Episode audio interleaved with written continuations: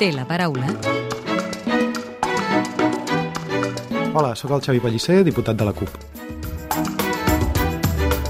La Fiscalia ha demanat 6 anys de presó i 21 d'inhabilitació per a la presidenta del Parlament, Laura Borràs.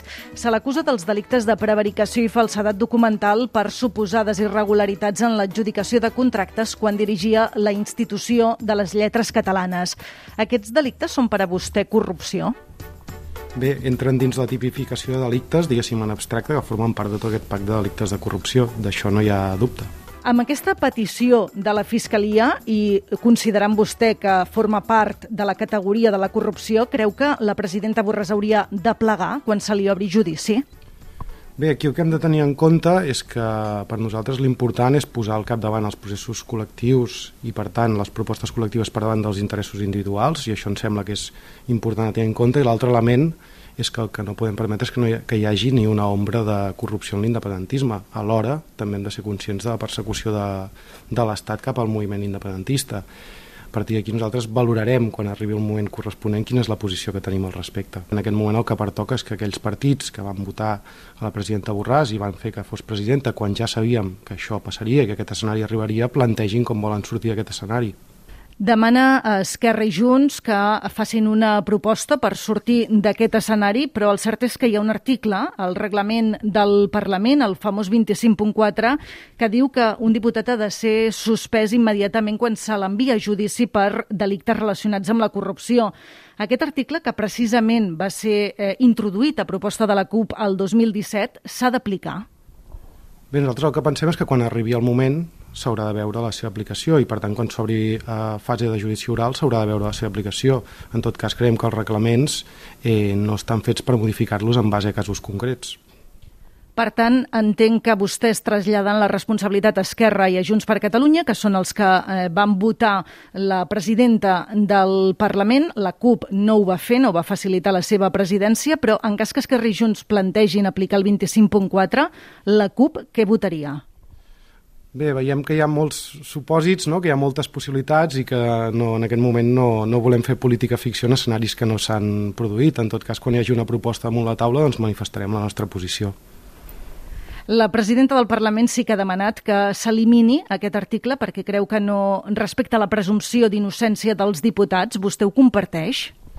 Bé, com, com deia abans, eh, nosaltres pensem que no es pot modificar els reglaments o les lleis en base a casos concrets, que precisament estan per la generalitat dels casos i, per tant, eh, en base a un cas concret o una situació concreta no podríem estar d'acord en modificar eh, textos legals o reglamentaris.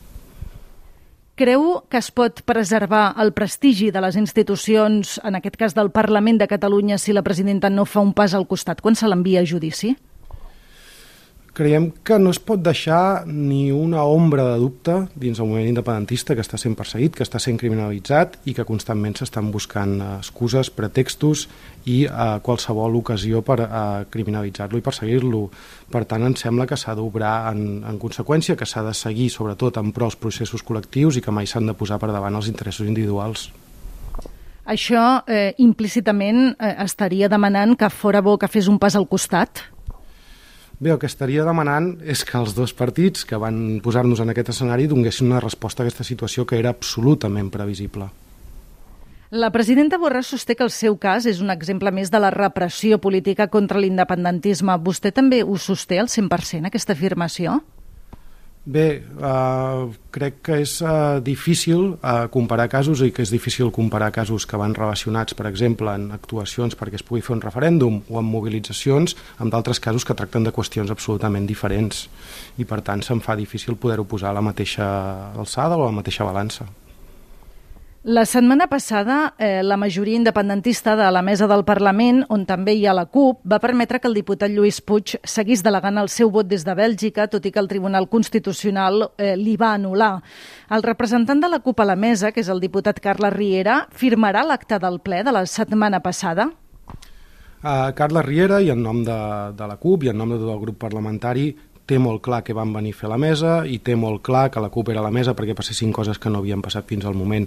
En el cas de, del, del diputat Puig és molt clar que s'ha de fer, que és intentar preservar els seus drets com a, com a diputat i a més a més això per una qüestió de compromís electoral, per una qüestió de compromís polític, per una qüestió de resposta a la repressió de l'Estat i també per una qüestió de que pensem que s'ha d'extendre moltes altres qüestions, que és que no es pot retallar ni els drets dels diputats ni tampoc les legislacions que van en defensa dels drets socials, com per exemple en l'àmbit de l'habitatge, i que la mesa ha de vetllar perquè tot això pugui seguir endavant malgrat les ingerències dels tribunals. Per tant, ells seguiran aquesta línia i sense cap dubte eh, signarà l'acte i farà tots els eh, elements que siguin necessaris per garantir els drets del diputat. Creu que firmant les actes d'aquest ple la mesa s'exposa a una nova querella? Òbviament la mesa s'exposa a patir repressió per aquestes accions i en som plenament conscients, n'és plenament conscient Carles Riera i n'és plenament conscient la CUP també.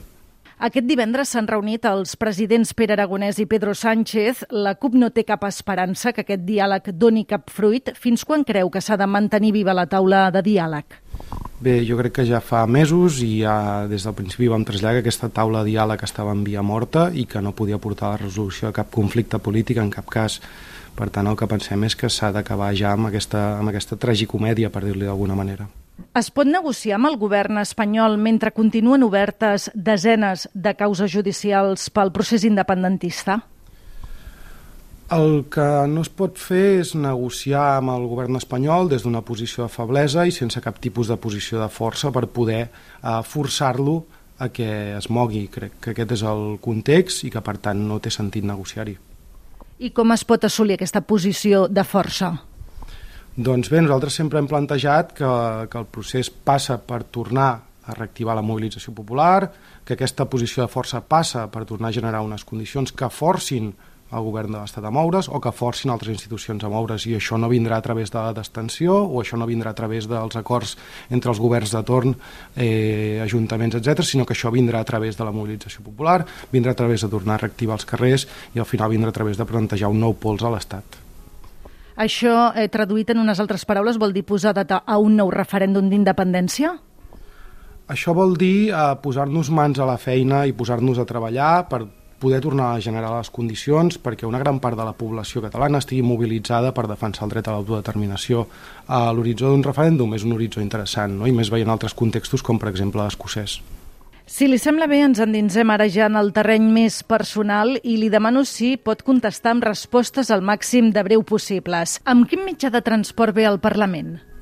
Doncs una mica tots. Uh, normalment amb bicicleta i tren i altres vegades doncs, per necessitats d'haver d'anar a zones on no estan ben connectades amb, amb cotxe, però normalment amb bicicleta i tren. Té algun paisatge favorit? Bé, doncs m'agraden molt els paisatges espacials. Diguéssim, les fotos i vídeos, ara que ha sortit el, el, el Hubble, el nou telescopi, amb aquestes imatges de quasi els inicis de l'univers, doncs això m'apassiona. Amb quin diputat o diputada que no sigui del seu grup compartiria una sobretaula distesa? Doncs crec que podria ser interessant amb, amb el Marc Parés dels, dels Comuns perquè va tenir una militància anterior a l'Esquerra Independentista i podria ser divertit que m'expliqués batalletes. Sap cuinar? Sí, de fet he treballat molts anys de cuiner, abans de venir a fer de diputat, de fet estava fent de, de cuiner i sí. I si ens convidés a casa seva, què ens cuinaria? Uh, depèn, si hagués de cuinar els meus plats preferits doncs potser serien uh, menú infantil perquè ens entenguem i si no doncs m'adaptaria a, les, a les propostes o recomanacions que, que em féssiu. I ja per acabar completi la frase següent. El que més m'agradaria del món és...